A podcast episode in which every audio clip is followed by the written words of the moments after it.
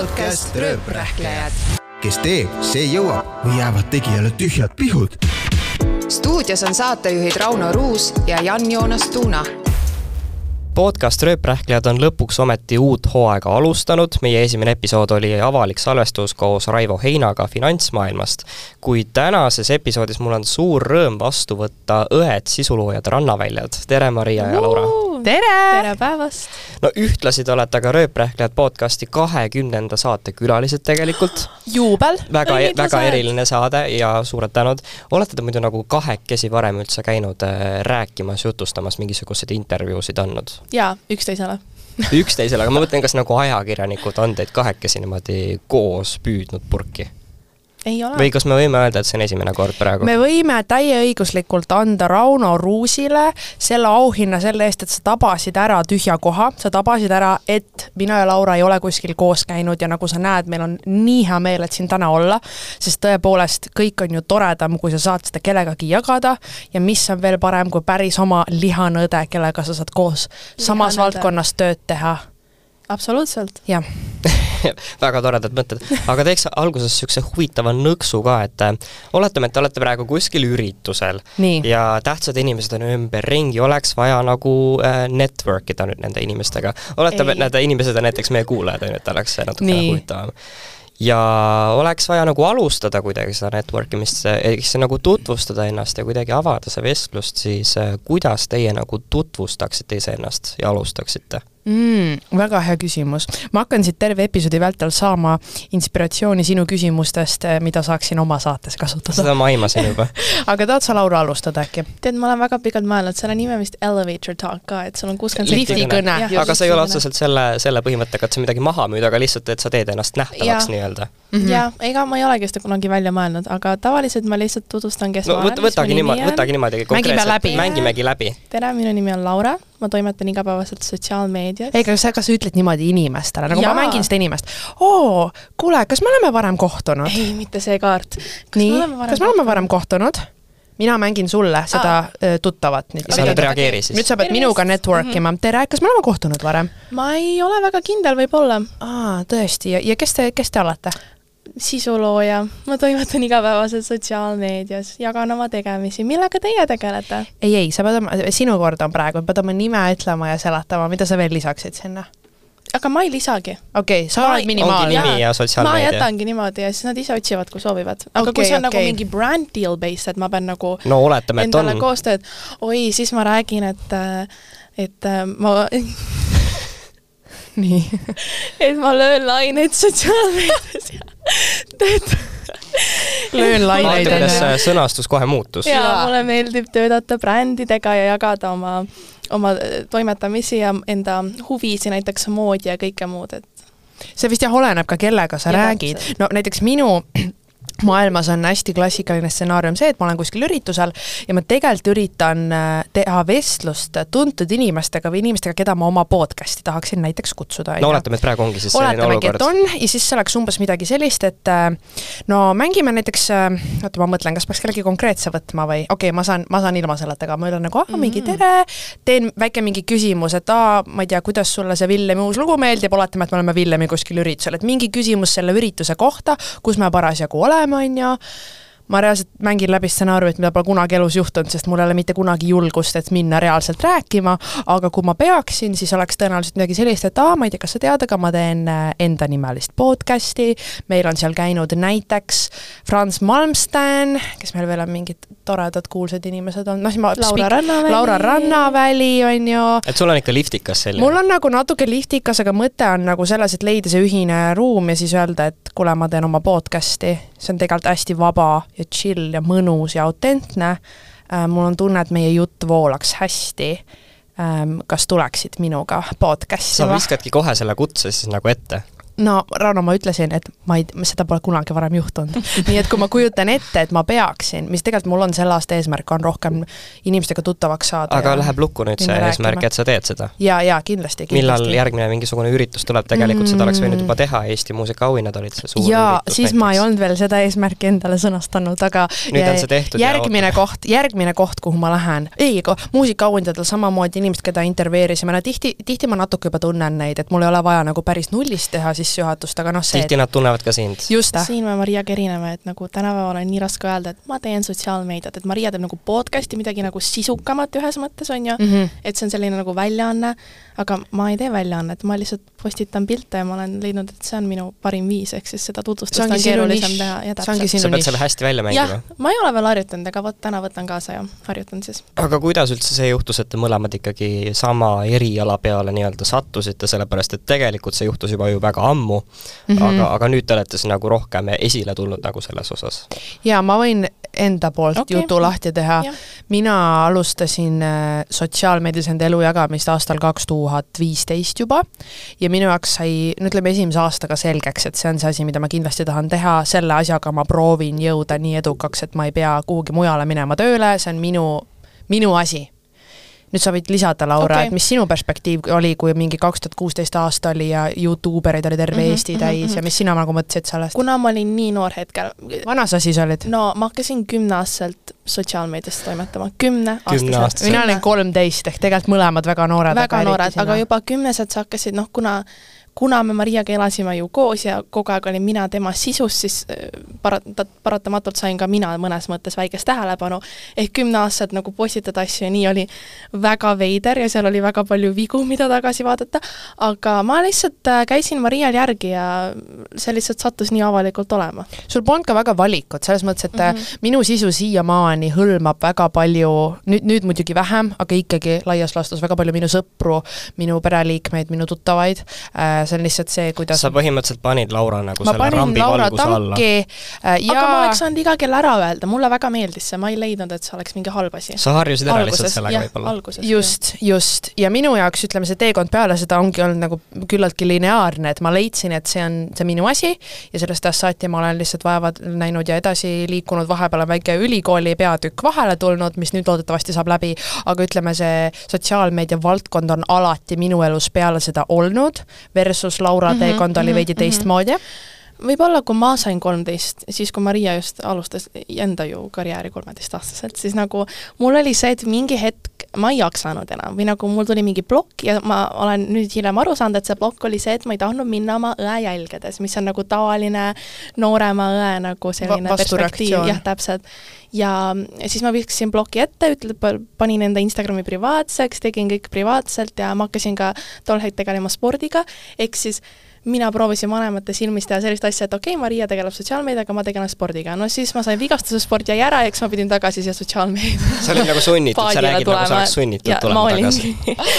ega ma arvan, et just minu puhul on see, et ma korraks nagu proovisin eemalduda sellest, aga mulle ikka väga meeldib see, ma õppisin seda armastama, nagu sotsiaalmeediat. aga kas siin nagu oli mingeid teisi variante üldse laual, et äh, kas väiksena oli algusest peale nagu teada see, et äh, ma tahan saada nagu Youtuberiks või ma tahan Jaa. saada sisuloojaks või oli ikkagi mingi Muidugi teine variant ka, oli. et tahan kosmonaudiks saada või ei, no kümneaastaselt sa hakkadki välja mõtlema, kelleks tahad saada, aga kui sul on nii vägev suurem õde ees, kes teeb sa ei pidanud need- mõtlemagi? ei, kõik need Youtuber laivid, see oli nagu nii vinge mu silmis, ma sain seal väiksena mingi pätakana joosta järgi nagu ja see lihtsalt pani mind vaimustusse, nii et ma tahtsin ka. et sul ei olnud ühtegi nagu teist mingit klassikalist Ei. teed peas? kuigi ma vahepeal kahetsen, et nagu kahju, et ma videote filmimise asemel ei lugenud mingit raamatut, äkki ma oleks praegu mingi nii aus. bioloogia teemal kuskil konverentsil rääkimas, aga ei no mina, minu esimene ametiunistus oli saada õpetajaks mm. -hmm. Seda ma sain ka praktiseerida Laura peal terve lapsepõlve, sundisin teda, et me nüüd mängime jälle kooli ja mul on nagu mitu-mitu vihikut, mis on kõik täis kirjutatud seda, kui halbasid hindeid ma Laurale andsin mm. -hmm. ma olin nagu väga, väga kindlalt tahtsin saada õpetajaks ja see, et kui sotsiaalmeedia minu ellu tuli, see tuli lihtsalt nii võimsalt ja sellel kõigel öö, tuli selline hoog sisse nii kiirelt, et ühel hetkel ma täiesti unustasin ära, et mul oli mingeid teisi eesmärke elus ja aga ma ei ole ka nagu pahane, et ni- niimoodi läks ja siis, kui ma sain piisavalt vanaks, et üldse raha teenimine omandas nagu elus mingit sellist tähtsust, on ju, no hakkad te- äh, no tegelikult juba varem, mingi kuusteist, seitseteist, sa hakkad nagu esimest korda mõtlema selle peale, et okei okay,, mida ma lähen õppima, mis minu tulevik on, siis oli juba sotsiaalmeedia nagu nii minu teema, et ma ei näinud põhjust, et teha kannapööret, sest ma nägin juba selles oma valdkonnas piisavalt palju potentsiaali, kuigi kui mul oli gümnaasiumi viimane aasta käes, ehk kui ma olin sama vana kui Laura täna, siis ma küll mõtlesin, et äkki äkki ma ikkagi lähen õpin hoopis eesti keele õpetajaks et aga nagu samas nagu... sa oleks saanud need asjad kombineerida, miks mitte, et sa oled oleks sisuloov õpetaja? ju-, no see, ma tean mitut õpetaja sisuloojat mm, -hmm. keda ma isegi ka ise jälgin, aga kas vaat... kahetsed, et ei teinud ikka seda otsust no,? või oled selle peale hiljem mõelnud ikkagi? kui ma neid sisulooja õpetajaid vaatan, siis ma mõtlen, et minul ikka ei oleks seda kannatust inimestega niivõrd, no sest kuna see töö, mida mina täna teen, ta on küllaltki nagu üksik töö. selles mõttes, et meil ei ole vajadust inimestega liiga palju kokku puutuda ja see loomeprotsess on tegelikult, sa saad seda teha enda terminite järgi. õpetajana sa ei saa töötada enda terminite järgi, siis kui sina tahad, siis kui sinul nagu loomepuhang peal on, ehk mul on tunne, see ei oleks tegelikult minu seda loomingu hinge võib-olla täitnud päris nii, nagu ma oleksin tahtnud. noh, ja siin te täna siis ja olete? siin ma täna olen ja ei kahetse mitte midagi no vanemal generatsioonil on ikkagi kombeks öelda, et äh, see, millega te tegelete, ei ole ju tegelikult mingisugune päris töö. kas, kas teil on tulnud nagu ette juhuseid ka, kus te päriselt peategi nagu seletama, et miks, miks see nagu teie mõistes ikkagi on töö ja mm, -hmm. ja mida te tegelikult nagu teete? või ja, kuidas te just, nagu selle lahti seletate ma neile? ma just hiljuti nägin TikToki ka selle kohta, kus kõik sisuloojad nagu räägivad, et üldse nagu Äh, rahalistest teemadest ja see, et inimesed ütlevad, et see ei ole töö, aga nagu mõnes mõttes see ju ikka on, sest et sa lood sisu, kõik see pildistamine, mõtlemine, see on nagu oma, omamoodi projekti juhtimine nagu mm, -hmm. väga väiksemas võtmes. et nagu sa, sa lood brändile näiteks mingit nagu ideed ja sa müüd midagi, see on ka turundus, et nagu müügitöö, projekti juhtimine, no selles mõttes mina saan sellest seisukohast täiesti aru. sellepärast, et jällegi noh, kas või seesama õpetaja versus sisulooja näide, on ju. tänapäeval ikkagi vabakutselise sisulooja töögraafik on objektiivselt kordades kergem kui kellelgi, kes käib üheksast viieni näiteks kontoritööl mm. -hmm. see on nagu fakt, on ju, teistpidi sa võid selle sisulooja ametiga tõmmata väga palju paralleele. näiteks on väga sarnane ajakirjaniku töö mõnes mõttes. sa otsid lugusid, sa räägid neid edasi, olgu need siis sinu enda lood või noh, ajakirjanduses ikkagi reeglina teiste inimeste inimeste lood, on ju. no siis nagu Laura tõi selle projekti juhtimise või, või, tegelikult ka selle müügitöö poole näite, et noh, kuidas sisuloojad raha teenivad, sa teed koostööd brändidega, kelle tooteid sa reklaamid oma jälgijatele selleks, et seda hästi teha, sul peab olema nagu meeletu kogus turundusteadmiseid, sul peab olema kogemust, kogemust, mm -hmm. kogemust ka nende brändidega suhelda, saada aru, kuidas nemad üldse mõtlevad, et tegelikult on väga mitmekülgne valdkond mm -hmm. ja, ja tulles sinu küsimuse juurde, kas me oleme pidanud seda seletama, siis absoluutselt mm, -hmm. mulle esimesena tuli meelde minu äripartneri äh, kes on minuga siis sama vana, kellega me koos minu podcast'i teeme, tema rääkis mulle, et äh, oma, tema vanaema ja vanaisa teavad, et tema töötabki nagu reklaamiagentuuris. et sa pead lihtsalt leidma viisi, kuidas seda teha, mis tegelikult ju lõpuni põhimõtteliselt ei ole vale. tegelikult see ei ole ka lõpuni nagu vale, on ju, noh, oleneb defineerimise küsimus, aga jah, ta on, ta on selline nagu, oleneb, kuidas sa seda vormistada nagu tahad, noh, meie vanaisa teab mind kui ajakirjanikku, et aa, et ma ikka õpin ajakirjandust ja minust saab ajakirjanik, mis ka ei ole vale, sest tegelikult see ju juba on omat moodi ajakirjandus. tagasi mõelda, ma isegi ei tea, mida minu vanaisa või nagu mida minu vanaisa minu, mis ta arvab, mida mina teen, ma lihtsalt käin sina oled alles väike kooliõpilane tema silmis.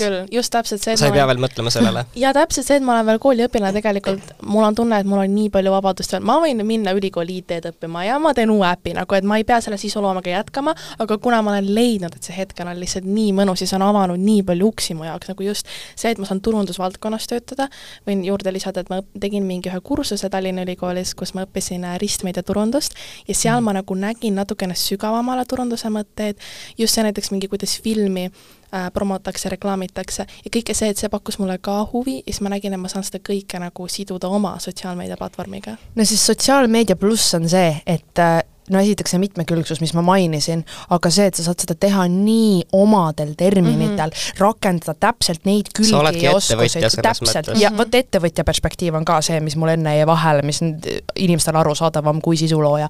aga jällegi, ringiga tulles tagasi esimese mõtte juurde, ma saan aru, kust tuleb see eelarvamus, et sisuloojad on muidusööjad, sest kui sa vaatad ka Eesti sisuloome kvaliteeti, see on väga erinev. ja on väga palju ja. inimesi, kes teevadki seda lihtsalt enda lõbuks, poolenisti, ja noh, seda ei saa võrrelda nagu inimestega, kes professionaalselt loovad sisu, kuhu brändid saavad reklaami müüa ja nii edasi. et see tase on lihtsalt väga erinev ja olenevalt, kelle sisu sa oled sattunud vaatama, su eelarvamus ongi nagu sellest kujundatud no te tõite juba sisse selle kooli ja õppimise ka mm, -hmm. siis äh, Laura, sa nüüd hakkadki vaikselt lõpetama gümnaasiumit ja, ja mainisid juba siin erinevaid äh, erialasid või neid, mida kõike saab õppida.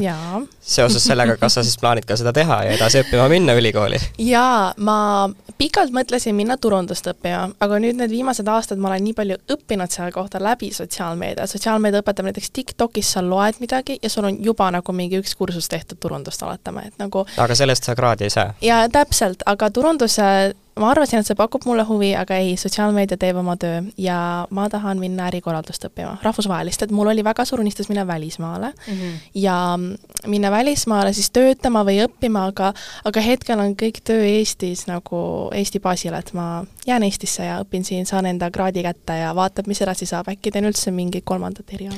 aga tead, mis on minu meelest nagu vajalik perspektiiv, sa ütlesid ka, et ma mõtlesin minna turundust õppima, aga ma juba tean selle kohta nii palju, on ju, mina, kes yeah. lõpetab loodetavasti, ajakirjanduse bakalaureust sel kevadel, siis enne, kui mina läksin ülikooli, mulle tundus, et mida on ajakirjandusest veel õppida, okei okay,, ma saan selle nagu ja. A ja O teooria, ma saan, mulle õpetatakse kirjutama uudist, aga mul on tunne, et mul on juba mingi ettekujutus see on nagu, see oli nii kaugel sellest, mis oli tõde.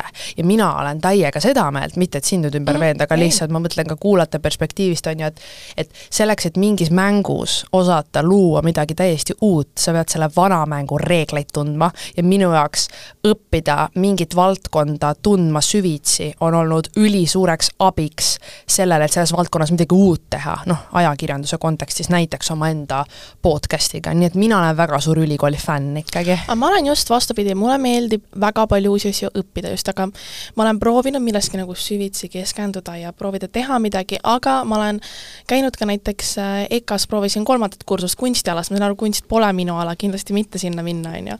et nagu mulle meeldib kõike natukene ja ka noh, tulevikus ma loodan, et ma leian ikkagi midagi, mis mulle nii meeldib, et ma saan sellele keskenduda ja siis selle, selles vallas töötada nagu korralikult mm. -hmm. aga kas äh, õde ei ole inspireerinud ajakirjandust õppima ei. minema? ei ole üldse? me oleme rääkinud kodus. sellest ja, ju, me mul... issiga küll surume. jaa, is-, ja mu issiga isa kogu aeg ütleb, et kindel, et see suhtlekorraldus, suhtlemine, see ju pakub huvi, aga ei, mulle millegipärast ei paku võib on... veel muuta meelt, arvan mina. mina ei usu, et ma muudan sa meelt. mõtled just, et sa, sina püüad siis muuta veel Loora meelt? ei no tegelikult ju ega keegi ei saa, ei saa kellegi meelt lõpuks muuta. aga sa saad mõjutada? sa saad mõjutada, sa saad öelda, et see on äge, noh, päeva lõpuks vaata, ülikool on ikkagi ülikool, selles mõttes, et sa ikkagi saad lisaks magusale seda äh, kapsast ja kartulit ja salatit oma taldrikule ka, sa pead tegema seal mingeid akadeemilisi toiminguid, noh, mina kirjutamas mm -hmm. praegu lõputööd, on ju, aga, aga päeva lõpuks sa saad ise oma otsuse teha, lihtsalt ajakirjanduse erialana mind on väga tegelikult positiivselt nagu üllatanud ja inspireerinud. vähemalt see ajakirjandus, mida Tallinna Ülikoolis õpetatakse. Aga kas saab ka sinust siis äh, täiskohaga aja, ajakirjanik kunagi, kui Sisuloomeamet võib-olla hakkab kuskile tahaplaanile jääma? vot ma armastan seda, kui inimesed küsivad seda, et millal sinust täiskohaga ajakirjanik saab ja ma ütlen, mis kohaga ma siis praegu olen, on ju, ma tean, inimeste jaoks ajakirjaniku tähendus on see, et sa töötad väljaandes, põhimõtteliselt ma võiks öelda, ma töötan väljaandes. minu eesmärk on teha omaenda väljaanne ja mina näen, et mina seda juba täna ka tegelikult teen rannaväljaanne on reaalselt minu podcast, on ju, ja seal eh, noh, lihtsalt täiskohaga, ma saan aru, et sa küsid. sa pead tegema et, portaali siis? portaal, ei no kindlalt jaa, see on see suund, kuhu mina tahan minna. Ja ma ei näe, et see nagu kuidagi tahaplaanile jääks, küll aga ajakirjandus on andnud mulle, noh, ma mõtlen just erialana, need oskused, et ma saaks iga kell ka tulla ja läbi mõne väljaande täiskohaga nii-öelda töölepinguga väga ametlikult seda asja, seda asja nagu ajada, aga mulle meeldib mu vabadus, mulle meeldib see, et ma saan ise otsustada siis ikkagi?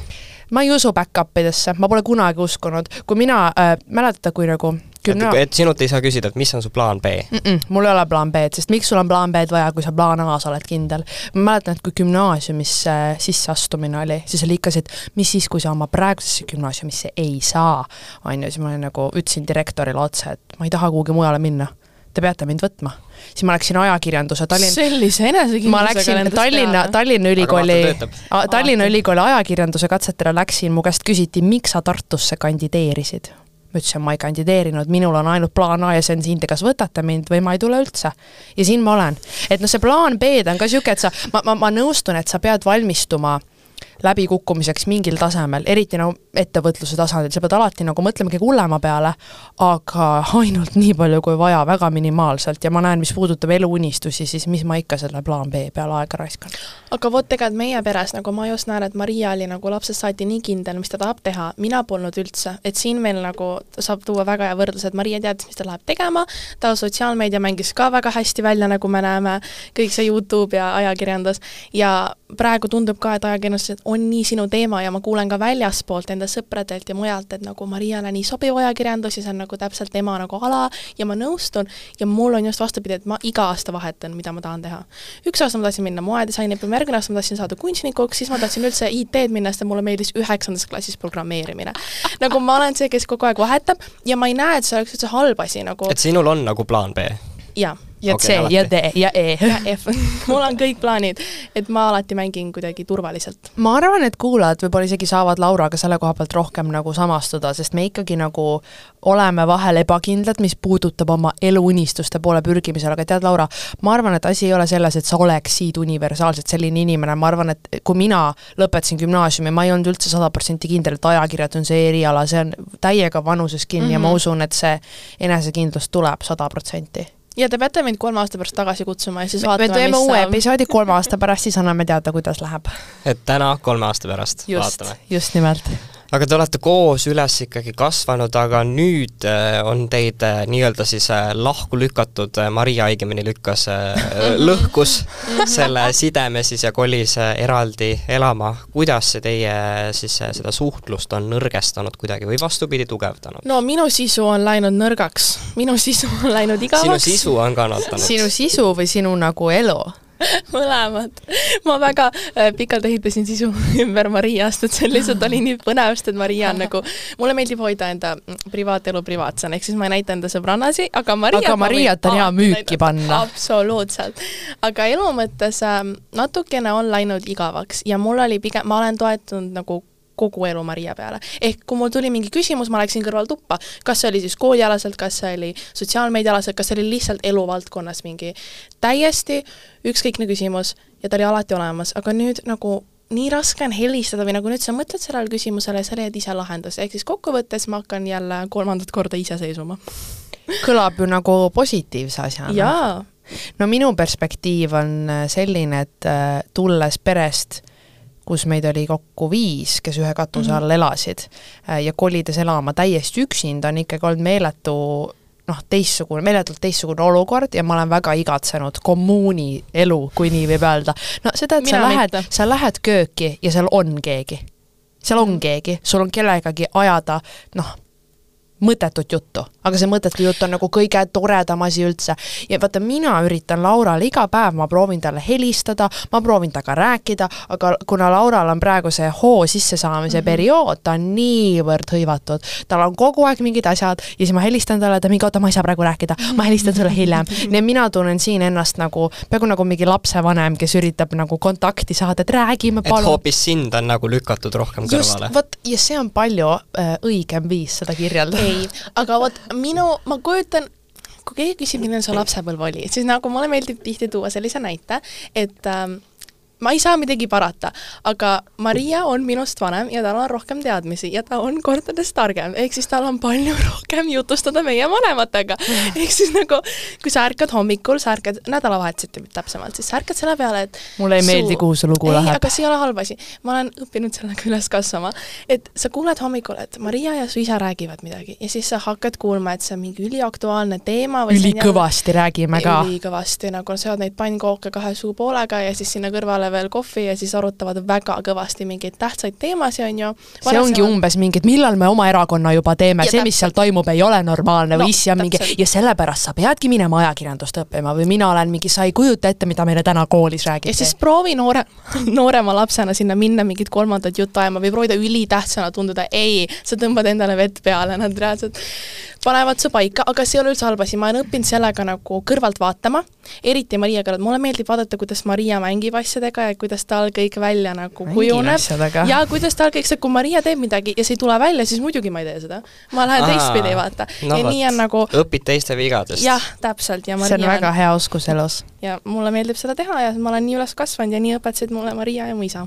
Aga mis äh, Maria toast saanud on, kas sellest on mingi kontoriruum tehtud nüüd juba? oleks ju loogiline arvata, et Või äkki minu see on mingi uus loominguline pesa või mingi noh. mingi kontoriruum, kus kõik inspireerivalt saavad oma asju teha. ei, meie väike vend sai teise toa endale lihtsalt.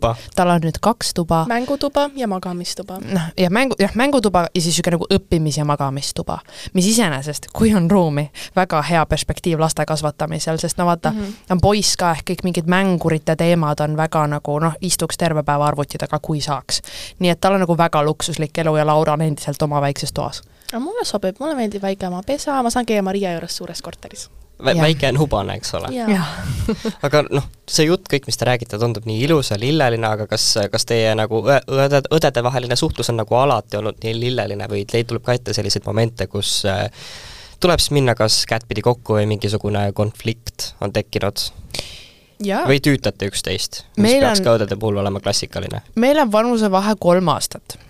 see on nagu üks kõige lollimaid vanusevahesid üldse, kui te sünnitate lapsi, sünnitage vähema või suurema vanusevahega. kolm aastat on üks kõige niisugusem, no üles kasvades kõige raskem vanusevahe, sest me olime kogu aeg nagu eri etappides mm. -hmm. kui mul olid juba oma sõbrad, siis Laura oli veel väike. Need olid kui... minu sõbrad. jah, et see oli, mina nagu üles kasvades tundsin hästi palju seda, et ah, mu väike häiriv õde, on ju.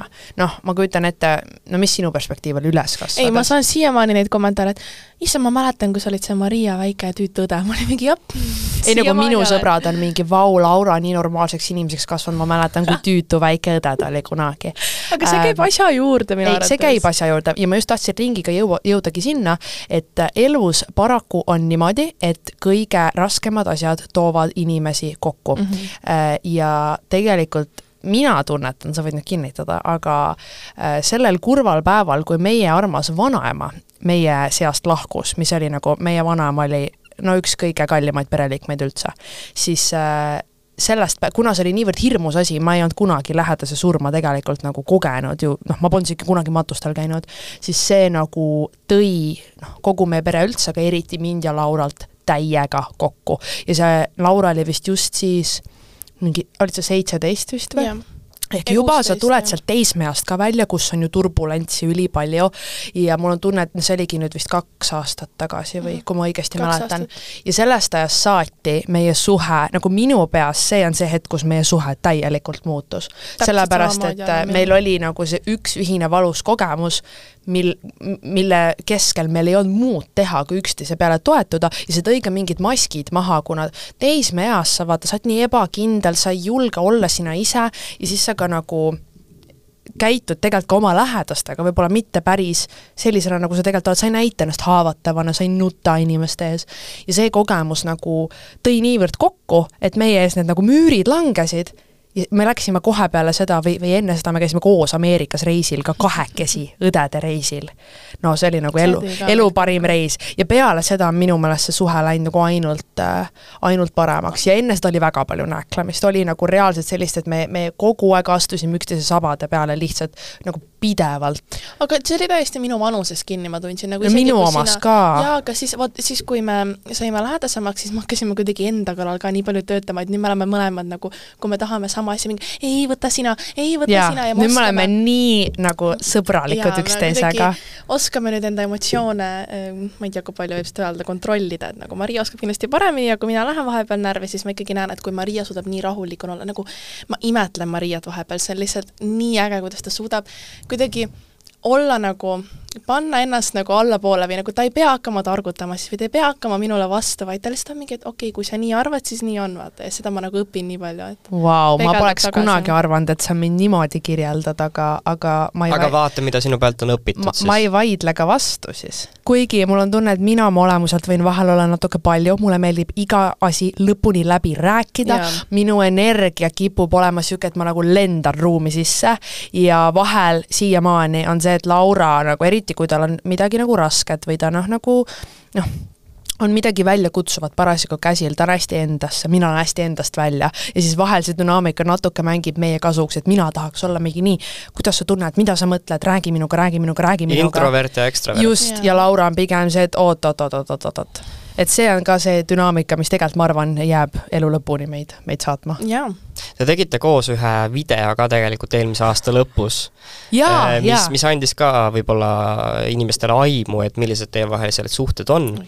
aga mina vaatasin seda videot, hakkasin algusest vaatama, minul jäi üks küsimus seal õhku, mis kohe alguses silma No paistis, et nii. Laura küsis Marialt, kes oli siis hiljuti veipimise maha jätnud. väga tubli loomulikult, aga küsimus jäi õhku, et miks sa üldse alustasid? Niimoodi, sa, sa valisid praegu siukse ringi, et minu käest küsida siuke küsimus, et miks ma üldse alustasin või? mis ma seal videos vastasin selle peale, ma lihtsalt olin vaikus ma vaikus naeratasin, muidugi klassikaline Maria, ja siis lõikasin selle asja välja. E minu äh, iseloom on väga kergelt sõltu-, sõltuvusse jääv, ma arvan, et see on üks põhjus, miks ma olen nii hea oma töös, sest iga inimene, kes tuleb minu podcast'i, ma olen temast olnud viimast kuu aega sõltuvuses. ma lähen asjadesse nii sisse ja paraku, kui see asi, mille otsa ma koperdan, ei ole kõige parem, siis needsamad mehhanismid aktiveeruvad kohe äkki see oli see suvi, see oli vist see suvi, kui ma olin oma pikaajalisest suhtest läinud lahku. ja siis ma mõtlesin, et nüüd on aeg hakata elama, hakata päriselt elama. Ja teate ikka seda nagu, natuke niisugune kerge nagu pohhuism, mis tuleb, et jaa, suva, suva kopsud taastuvad, vahet ei ole, issand, ega ma elu lõpuni ei jää tegema. Ja siis sa avastad, et nagu tore, ma ei saa ühtegi asja tehtud, kui mul pole seda asja käes, on ju, või noh, ma ei tea, mis iganes sinu sõltuvus parasjagu on. aga ma teatan uhkusega, et esimene september eelmine aasta ma otsustasin, et nüüd jääb ära. Pool aastat juba siiamaani olen äh, nagu hoidnud seda head järjepidevust, üldse mõtlen see aasta üldse karsklaseks hakata, ma olen lausa nagu nii kaugel, vaata ma räägin, ma olen, mul on mingisugune häire on mul kindlalt see, mis on nagu hästi äärmuslik, et ma lähen asjadesse nii sisse. ongi, kas ma olen täiesti selles augus või ma olen täiesti puhas ja praegu ma olen seal väga puhtal ja ilusal poolel. No seda on rõõm kuulda. aga seal videos te veel rääkisite erinevatest kannapööretest äh, ja Maria siis kannapööre, üks neist oli, et alustasid jõusaaliga. üks küsimuse suunan hoopis Laurale, et millised suhted sinul jõusaaliga on või kas teil on mingisuguseid sarnaseid teisi hobisid, kui elukutse juba on sama? oo, ei, väga hea küsimus, aitäh ma mängisin äh, neli aastat võrkpalli tegelikult kokku vist viis, aga sellest kolm ma nagu proovisin tõsisemalt võtta, sest et mul oli pikkust, mul siiamaani on pikkust ja see on võrkpallis väga hea omadus, aga mul lihtsalt ei vedanud selle oskusega, ma ei tea, miks. ma ei tea, kas ma ei olnud piisavalt tugev või ma, ma proovisin ja mu vanaisa oli nii õnnelik, et ma just tahtsin küsida, et kui nii. keegi meie vanaisad siia vestlusesse kaasaks, siis tema ütleks, et me oleme kaks raisku läinud kõrgusehüppajat. Tegelikult, et potentsiaali oli nii palju, et mingi kergejõustiku, mis iganes nende aladega tegeleda. Aga mis sul nagu tänapäeval siis kinnistunud on selles osas? trennis käimine, see rutiin, nagu ma päriselt ka kas sul on see treenirutiin praegu ka? Jaa, on küll. Mis, millisel kujul? mis on su treenirutiin, Laura?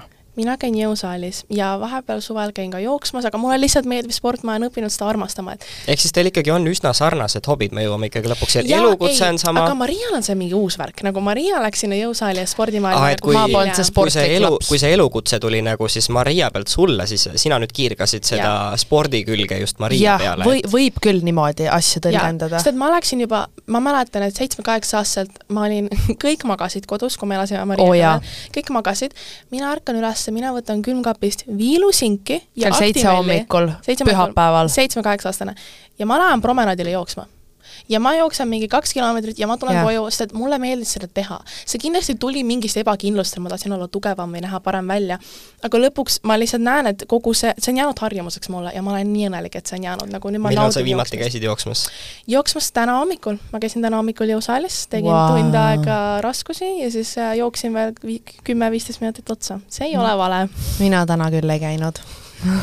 süveneda tahaks nüüd korra siia Youtuberite kuldaega, mida Süveneme., millest me korra eetriväliselt juba rääkisime ka, et see kuldaasta siis oli kaks tuhat kuusteist ja need aastad, mis sinnakanti jäid. enne kui ma väga spetsiifiliseks nagu lähen küsimustega, siis ma tahaks küsida, et äh, selline avatud küsimus, et mis teil endal nagu üldse meenub selle ajaga, kas on mingisugused märksõnad, mingisugune olukorra kirjeldus? mul on mõte, nimetame kordamööda nagu ühesõnaliselt, mis meil meenub sellega, sobib? mina alustan.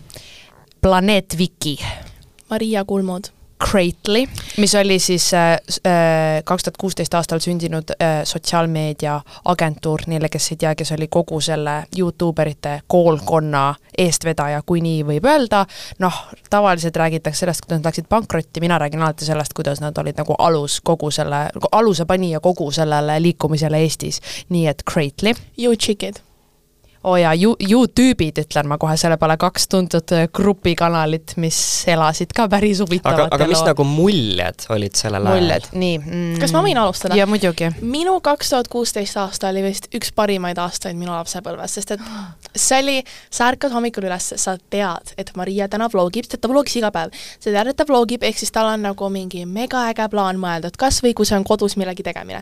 ärkad, siis Marial on sõbrannad külas juba või sõbrad on ju, sõbrad-sõbrannad külas, hakkab juba filmimine käima, on ju. ehk siis mul on elu parim päev iga päev. näitle, näitlejad on kohale kutsutud sul on lihtsalt, sul on õde, kes teeb mingit tegevust ja sa käid järel ja sa lihtsalt filmid seda oma Snapchati, nagu mul oli iga päev parim päev. Ja siis käisimegi, eriti kui need Youtuber laivid olid, need olid minu lemmikud ja siin mängib välja see, et ma olin tüütu väike õde. sest et kui Maria läks lavale, ma, ma mäletan väga täpselt, kuidas ma kirjutasin Mariale, et hei, lehvita, hei, ütle tšau, Laura! või midagi, sest et see oli kindlasti mingi tähelepanuvajaduse värk, aga mul oli nii naljakas. sa olid uhke oma õe üle? muidugi, siiamaani. Ja see oli, see oli tõesti hiilgav aeg mu jaoks kui mina mõtlen aastal kaks tuhat kuusteist tagasi, siis minu esimene märksõna oli niisugune eesti keeles nagu palaviku unenägu, natuke nagu selline, et ma mäletan mingeid seikasid, väga palju on läinud meelest, sest need emotsioonid ja energiad olid nagu nii kõrgel iga päev. nagu üks päev tuleb äh, Sportland Eesti minu juurde ütleb davai, teeme koostööd, sa teenid esimesed tuhat eurot, on ju. järgmine päev on juba mingi nii, tule äh, allkirjasta palun viissada autogrammi kolmas päev äh, me, ja need on reaalselt nagu ühe nädala jooksul võisid need asjad juhtuda, kolmas päev me esineme Kultuurikatlas tuhandele äh, väiksele fännile ja ma tantsin äh, selle panda laulu järgi ja kõik vaatavad, on ju. neljas päev ma nagu üritan oma kooli asju teha ja keskööni monteerin oma videot, sest see oli see, kuidas ma tol ajal töötasin. ja ma ise olen tähele pannud, et niisugused kõige hektilisemad ajad, ma, mul mul on raske nagu alati neid detailselt tagasi meenutada, seepärast et ma peaaegu, ma nagu vaevu jõudsin järgi sellele, mis juhtus, et see kõik nagu võttis nii suure hoo sisse nii kiirelt, aga ma tegelikult nõustun kõigega, mis Laura ütles, see elevus, see mm, nagu te-, nagu tihe graafik, mhm. kogu aeg midagi toimus ja, ja seda ka, kui palju sisu tol ajal tegelikult Youtube'i postitati, see oli nagu väga haige. üks nagu eesmärkidest oli meie, noh nendest Youtube eritest, kes sinna agentuuri siis kuulusid, teha meist nagu, nagu natuke nagu staarid, et selline nagu staari elulisuse ala, meil on üritus ja meil on mingid turvamehed, no täitsa nagu haiged asjad, on ju, mis noh, ma ei meenuta seda tagasi otseselt sellega, et issand, kui äge, ma nii igatsen, vaid pigem see oli see õhkkond, mis tol ajal valitses. ja see oli ka see aeg, kus meile nagu hakati sisendama, et te teete olulist asja, te ei tohi lihtsalt tasuta reklaamida kõike, mida teile kätte antakse, te peate, noh, meid õpetati teadma oma väärtust. koolitati välja põhimõtteliselt mis oli õige, jah, mis oli õige, aga minul nagu teismelisena ma vahel nagu võtsin seda liiga otseselt ja ma olingi mingi oh, ja ma lähengi nüüd meie Greatly ruumidesse autogramme sign ima, et ma nagu natuke mäletan kas sul oli nagu seda äratõusmismomenti siis nii-öelda? no võib-olla lihtsalt nagu oma peas mul oli raske raske aru saada üldse, mis toimub. ma ei ütleks, et see oli selle ameti või olukorraga seotud olek, vaid pigem nagu teismeiga lihtsalt, sest teismeeas sa mõnes mõttes ja kui sa need mõlemad kokku paned jah, kui sa need kokku paned, siis see nagu kindlasti võis mõjuda mingil hetkel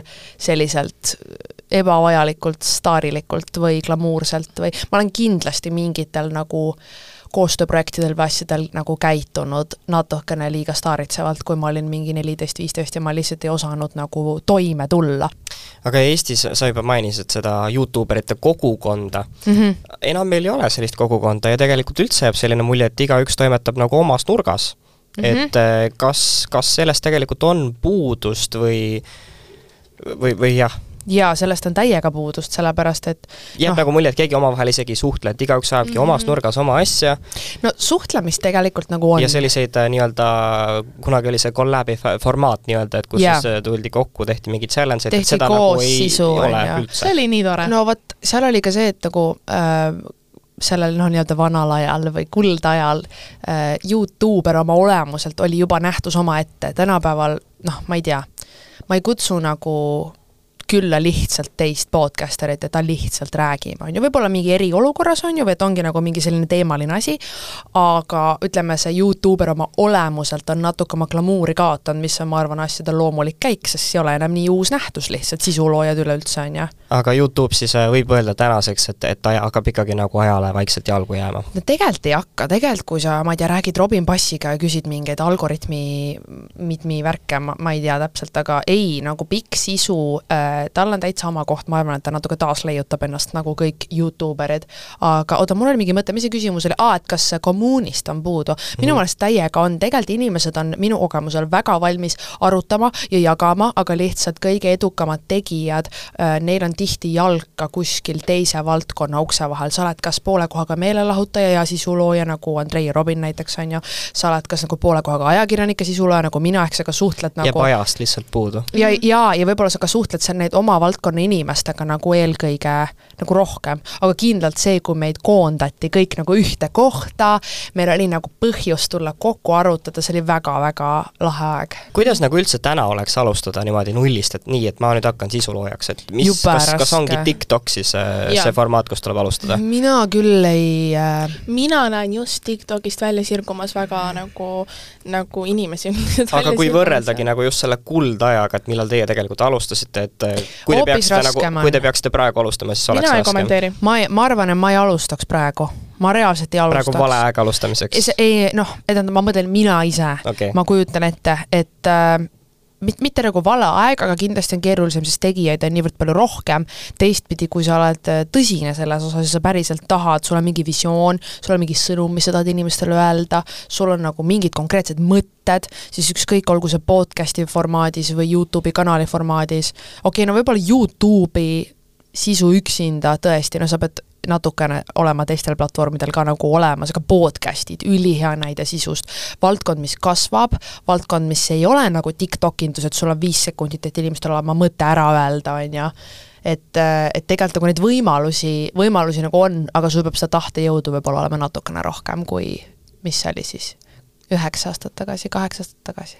no Youtube'ist tänaseks äh, ma saan aru, et te mõlemad olete tegelikult oma videosid ka eemaldanud ja Laura äh, profiililt ma kusjuures mitte ühtegi videot ei leidnud. nii see on üks hetk ma otsustasin, et mina ei taha endale piinlikkust valmistada ja võtsin kõik maha, sellepärast ka tegelikult kas sa kahetsesid siis nagu seda mõningaid küll, sest et mõned ma panin privaatseks, need on mul siiamaani alles, see on kaks tuhat seitseteist, kaheksateist, aga ma kahetsen, et ma kustutasin need ära, sest et nii tore on tagasi vaadata tegelikult.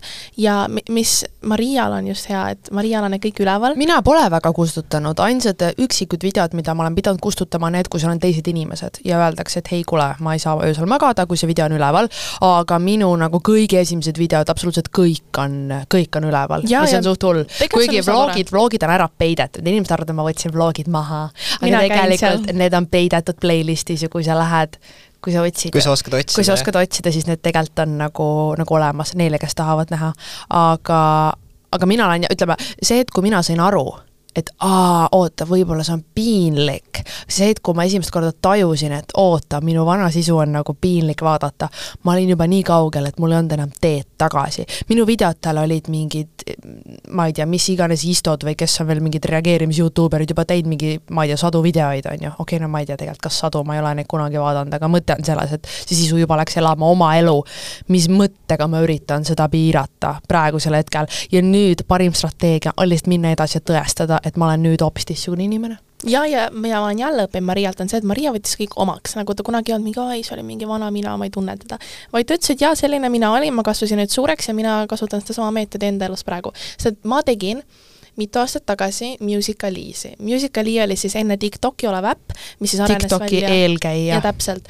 ja ma tegin seal ja siis meil tekkis selline väike asi, et nagu Marial on Youtube, mul on Musicali, sain ka toreda auhinna selle eest, mis jällegist võtan omaks ja ja siin nagu mina ei teinud eriti Youtube'i.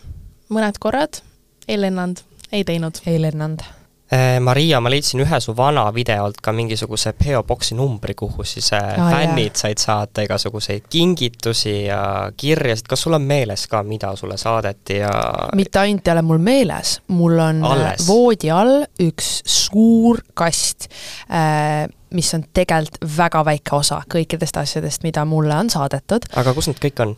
kas nad on alles? Need, ei, kõiki mul ei ole alles, ma annan sulle nüüd ülevaate.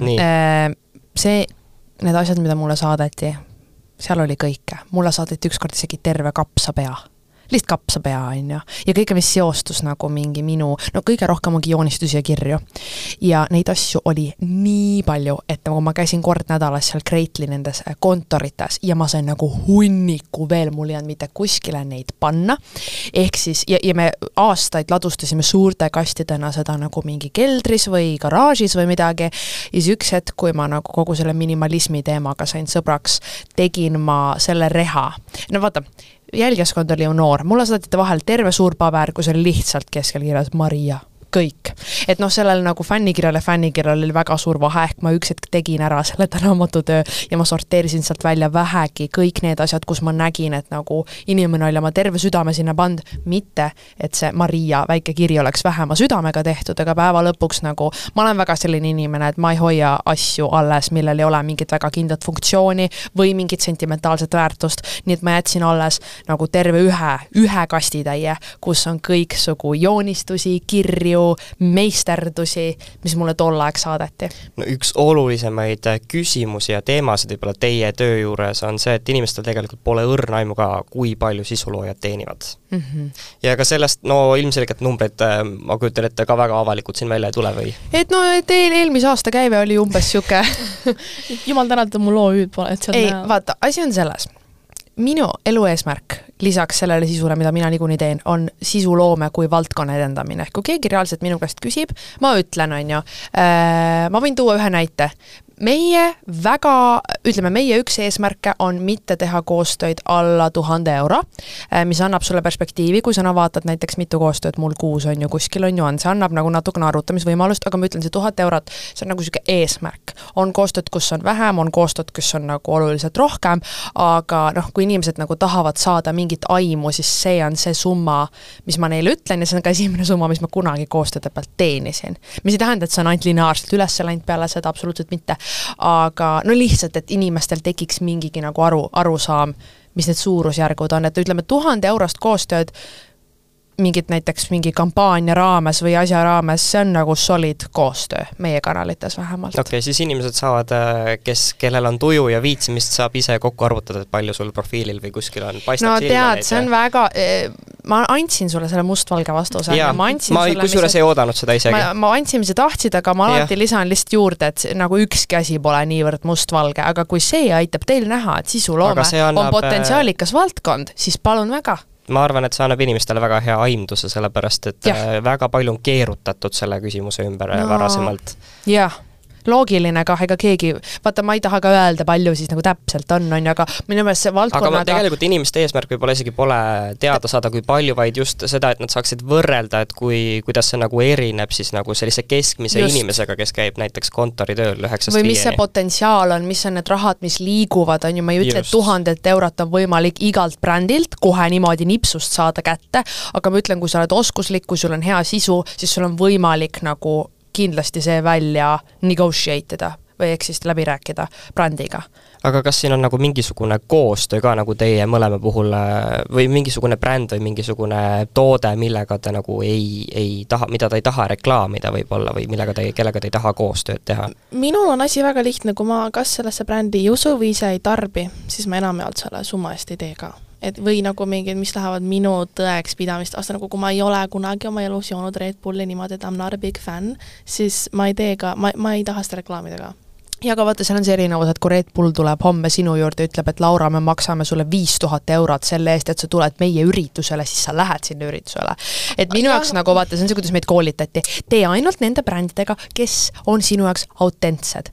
reaalsus on see, et palju me tavaliste inimestena asju tarbime. me nagu, esiteks, me teeme väga nagu suvaliselt, emotsioonipõhiliselt üldse oma otsuseid ja teiseks, palju meil on, palju meil üldse raha, et nii palju nagu muudkui tarbida ja tarbida ja tarbida, ehk see arusaam, teame, et nagu sa peaksid tegema ainult nendega, kes on sulle superautentsed, see on üliõige, aga see on rea-, nagu see ei ole üldse realistlik, kui sul on reaalne eesmärk asjaga raha teenida ja kui sul on ka inimesed, kellega sa näiteks koostööd teed, on ju, kes nagu tahavad ka üks hetk enda osa sellest, on ju, saada.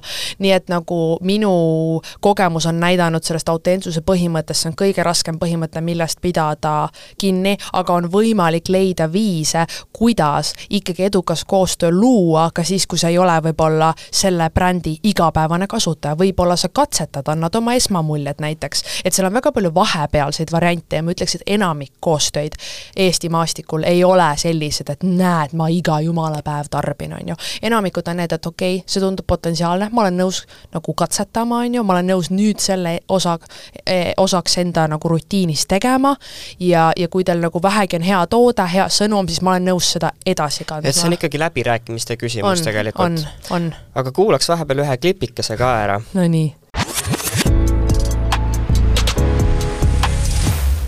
sind nimetatakse ka influencer'iks, see on nüüd uus äh, sõna, mis on tulnud. mõjutaja võiks tõlkes öelda, eks ole. Äh, kui palju sa mõtled sellele, et see, mis sa välja ütled, et paljud inimesed võtavad seda, noh, nagu ma alguses ka mainisin, nagu sellise kulla või tõena ja hakkavad järgi tegema, et kas sa muretsed ka selle pärast, et äkki läheb midagi valesti ja annad halba mõju äkki? Kusjuures ma olen alati nagu, mu kanal on olnud alati selline, et ma lihtsalt ütlen, mis ma tahan, ma teen, mis ma tahan ja nagu jooksvalt vaatan. ma ei ole kunagi mõelnud, et okei okay,, nii nüüd vaatab kakskümmend tuhat inimest, meid ma pean mm -hmm. jälgima, mida ma ütlen, sest mul on tunne, et siis see poleks nagu tõene enam. mul kindla peale on olnud olukordi, kus mul nagu jõuab kohale, et vau wow,, et see, mis ma ütlen, see reaalselt mõjub ja et nagu inimesed on öelnud, et oh my god, et sul polnud seal mingi rihmapäev või mingid sellised asjad, et inimesed nagu panevad tähele ja ma nagu pole üldse harjunud sellega. mina lihtsalt teen oma asja ja nagu ei mõtle selle peale, aga ja vahepeal on tõesti kohale jõudnud, et nagu paljud ka nooremad vaatavad ja ma olen ka paljude jaoks. oota ära, kuni sa autojuhiload saad ja hakkad sõitma eh, siis hakatakse väga hoolikalt jälgima ma armastan internetti ja ma armastan, kuidas see on suur arhiiv kõigeks. ja see oli siis äh, kunagi Kanal kahele antud intervjuu. appikene. no Maria, kas, äh, kas aastatega on midagi sisu planeerimisel muutunud, kui sa selle jutuga nüüd võrdled? Kusjuures... ja sama küsimuse üle võib tegelikult Laura ka mõelda, et kas, kas ka sisu planeerimisel on midagi muutunud? Kusjuures selles mõttes ei ole, et kõik, mida see Maria, ma ei tea, mis aastast see klipp oli. kaks tuhat kaheksateist vist oli. jah, ma mäletan seda intervjuud väga hästi, see toimus ka või toimus ka väga vara hommikul. nii et äh, see peaks juba olema nagu see filter, et ära kõike võtta tõsiselt, mida ma nii vara hommikul räägin.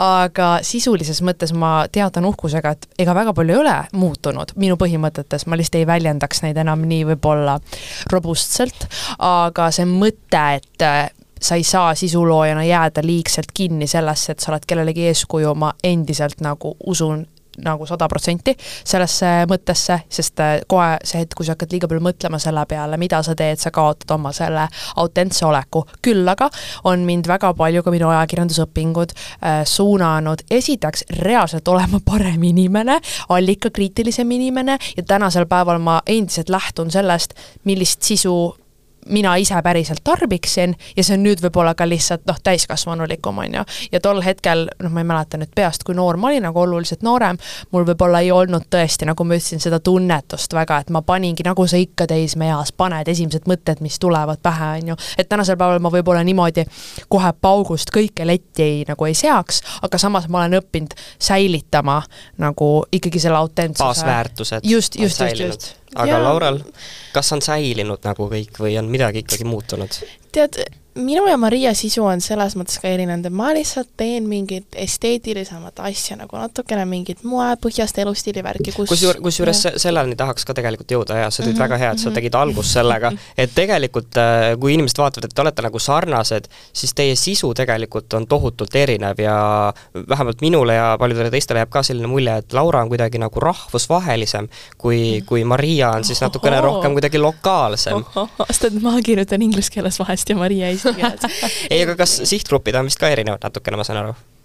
väga hea küsimus, me ei ole võrrelnud, aga võib-olla me peaks ei no tõenäoliselt eestlastest, ma arvan, on küllaltki sarnased, aga võib-olla vanuseliselt on seal, no kuna need statistikad platvormid annavad küllaltki üldised, siis äh, see, kes reaalselt vaatab, võib-olla on sarnane, aga see, kellele meie teadlikult sisu loome, on, ma arvan, väga erinev, erinev Jaa, tüüp kipub, inimest. see kipub niikuinii ni- niimoodi minema. jah, jah, just. jaa, mulle meeldib natukene kujundada oma ähm, sisu, et kui Maria teeb nagu sellist äh,, mitte et ta oleks nüüd nii läbipaistev sotsiaalmeedias, aga ta ütleb, mis ta tahab, on ju, ilmselgelt olen ju. jah, väga tore, et sa ütlesid, siis ma nagu jälgin natukene selles mõttes, et ma tahan nagu luua mingit nagu inspiratsiooni mõnes mõttes ja kuna mind ennast nii huvitab mood, ilu, kõike muud, on ju, ja kuna ma käin veel gümnaasiumis, tuletan meelde, et kui ma ei käiks gümnaasiumis, võib-olla ma hea meelega jagaks oma ülikooli õpinguid nagu Maria ja midagi muud, on ju. et ähm, ma usun, et mul võib veel minu nagu selline nišš muutuda, ja käekiri muutuda. täpselt, et hetkel ma, ma isegi ei ole väga kindel, mis mu käekiri on, et see muutub nagu iga päev ja ma üritan näiteks TikTok ja näiteks TikTok just ma ka hiljuti liitusin sellega, hiljuti, noh, tegelikult mingi aasta tagasi, aga seal on nagu natukene nagu vabam sisuvorm, et Instagramis ma proovin hoida sellist natukene äh, ilusamat ja TikTokis on vabam, mis mulle väga meeldib, et mul on kaks platvormi, kus ma saan nagu vahetada oma sisu. ma guugeldasin ka teid ikkagi, enne kui ma tulin siia, ma ei tulnud siia niisama nalja tegema ja nii tubli ajakirjanik. esimesed artiklid teist mõlemast äh, uudisteportaalidest ongi kas siis seotud selle Youtuberite laiviga või siis My Hits Awardsiga, aga Maria puhul hakkas sealt edasi tulema, et äh, Maria näitas uut kutti.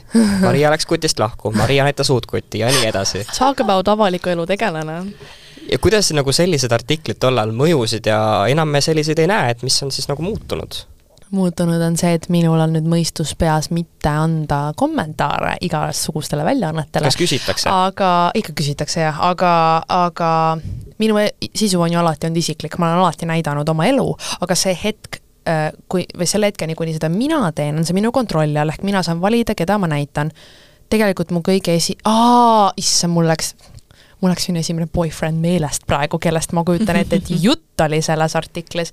alguses nagu ilmselgelt väga naiivse teismelisena sa jagasid kõike, on ju, ja isegi minu meelest see üks lahkuminek oli minu enda nagu ma, ma ise nagu teatasin justkui sellest maailmale, mida ma tänasel päeval nagu absoluutselt ma isegi mäletan seda videot, millest sa räägid et ma absoluutselt seda tegelikult tänapäeval ei teeks, aga ma arvan, et see käis asja juurde, asja juurde tol ajal ja see andis kindlasti, ma tunnistan täitsa vabalt tagantjärgi ka nagu äh, tõuke minu karjäärile, sest ilmselgelt kui sa ei pane, no ma arvan, et see isikliku elu nagu teistele näitamine oli see, miks inimesed üldse said minuga samastuda. Jaa. ja noh, see, kui sa räägidki neljateistaastaselt, ma läksin oma kutist lahku, sest meil olid erinevad prioriteedid, noh, kui, kes ei saaks sellega samastuda, jaa, hetkel võib olla sellest kinni haarata, kui sa küsisid meilt varasemalt, kuidas nagu üldse praegu sisuloomet teha ja kuidas äh, suunamudijaks võib-olla nii-öelda saada, ongi see, et samastumine on üks kõige tähtsam asi, et Maria puhul töötaski see nooremas eas, et ta näitas enda igapäevaelu, ehk siis kõik samastusid ja nii ta ka sai niimoodi aga võtakski tänase episoodi kokku, võib-olla mõned inspireerivad sõnad või soovitused kuulajatele, et meil oli see tänase põhifookus oli nagu äh, õdede suhtlusel siis, et äh, kuidas äh, saab nagu kaasa aidata sellele, et äh, õdedevaheline suhtlus nagu töötaks, et ta ei vaibuks ära, et äh, minul on väga hea asi Nii. selle kohta öelda. ma mõtlen nii kaua siis. just, või praegu natukene ärimaailmas, et ülipikalt ma ei tahtnud teha sotsiaalmeediat sellepärast, et ma tundsin, et ma jään Maria varju, aga nagu ma ütlesin Maria podcastis, ma leidsin oma koha seal varjus. ehk nagu ma leidsin üks hetk ja isegi tegelikult hiljuti, mis on üsna kahju, et meil on mõlema jaoks ruumi, siin maastikul on mõlema jaoks ruumi. me teeme eri asju, mõne, vahepeal need nagu klapivad ja kattuvad, aga mõlemal on ruumi, mõlemad saavad oma asja teha, mõlemad saavad piisavalt nagu, mitte nüüd rahalist tasu, aga jah, täpselt. Et äh, me mahume mõlemad siia ja see teeb mind väga rõõmsaks ja see aitab, me saame arendada mõlemad nagu mm. -hmm. üksteist, jah mm. -hmm. et ei tohi näha konkurendina õde, vaid tuleb näha kui abikäena. just, mina tahtsin öelda midagi umbes, et koostöö on kõige alus ja kui ma nüüd mõtlen nagu väga noh, igapäevast õdede suhet, siis tõesti tihti on mõega konkureerida, kas ma ei tea, inimeste tähelepanu nimel või vanemate tähelepanu nimel või noh, võib-olla kellelgi veel ka samas karjäärivaldkonnas, siis äh, konkurents nagu üldiselt elus on vajalik, aga oma õega konkureerida ei ole tegelikult vaja, sellepärast et äh, õde, ah, meil on alati öeldud, et sul on ainult üks õde no vaata, mõnel võib-olla on rohkem, aga ikkagi siin need õed-vennad on selline suhe, mida sa heas mõttes ei saa sellest kunagi lahti, neil ei ole võimalik nagu ära minna ja mida vanemaks mina olen saanud, seda rohkem ma olen seda õppinud väärtustama. ja tegelikult see üleüldine üksteise aktsepteerimine ja alati pigem üksteisele hoo juurde andmine on see, mis meid on nagu kõige rohkem aidanud, kui aga nii võib kui, öelda. jah, aga kui kuulaja hetkel on selles olukorras, et sa konkureerid oma aega, siis näiteks mina võin oma kogemuselt öelda, et see on aidanud mind väga palju elus, et ma pean, mul oli mingi tunne, et ma pean olema Mariast parem või jõudma sama kaugele kui tema, aga vot see on õpetanud mulle, et töötada nagu palju. et see annab tõuke sulle see annab sulle, motiveerib. ja, ja nagu Maria, sa ei pea vastu vaidlema praegu. Maria hakkas muigama kohe mikrofoni taga. okei, okei, okei meie isa on mitu korda öelnud, et kõik lapsed ei tulegi välja, see on tema nagu niisugune naljakas ütlus, aga selle tagamõte on ju see, et iga laps ja iga inimene on erinev. õdede-vendadega tihti tekib võrdlusmoment, päeva lõpuks teil on mõlemal ja kõigil omad iseloomud, omad väljavaated ja ei ole nagu just nimelt põhjust ka muretseda liiga palju sellest, kes kelle varju jääb või, või kuidas keegi nagu välja paistab, et päeva lõpuks, nagu Laura ütles, ruumi on kõigi jaoks. kõik kujuneb välja lõpuks. no need on nii ilusad sõnad, millega lõpetada. super! suured tänud teile külla tulemast, ma loodan, et äh, võib-olla kolme aasta pärast me siis kohtume siin uuesti, nagu, nagu sai tegelt... alguses lubatud. ma tegelikult just panin kalendrisse kirja, et kakskümmend kaheksa veebruar, siis kolme aasta pärast näeme siin jälle ja aitäh, Rauno, et meid kutsusid aitäh, ja et meid, et meid koos kutsusid, väga lahe. Te kirjasite nüüd tagasi sellega su, suured, suured tänud, suured tänud. mul oli väga tore ülejäänud äh, podcasti episoode saate kuulata Delfi taskust, äh, Apple podcastist ja Spotify'st, leiate need kõik sealt kenasti üles, aitäh teile! podcast Rööprähklejad. rööprähklejad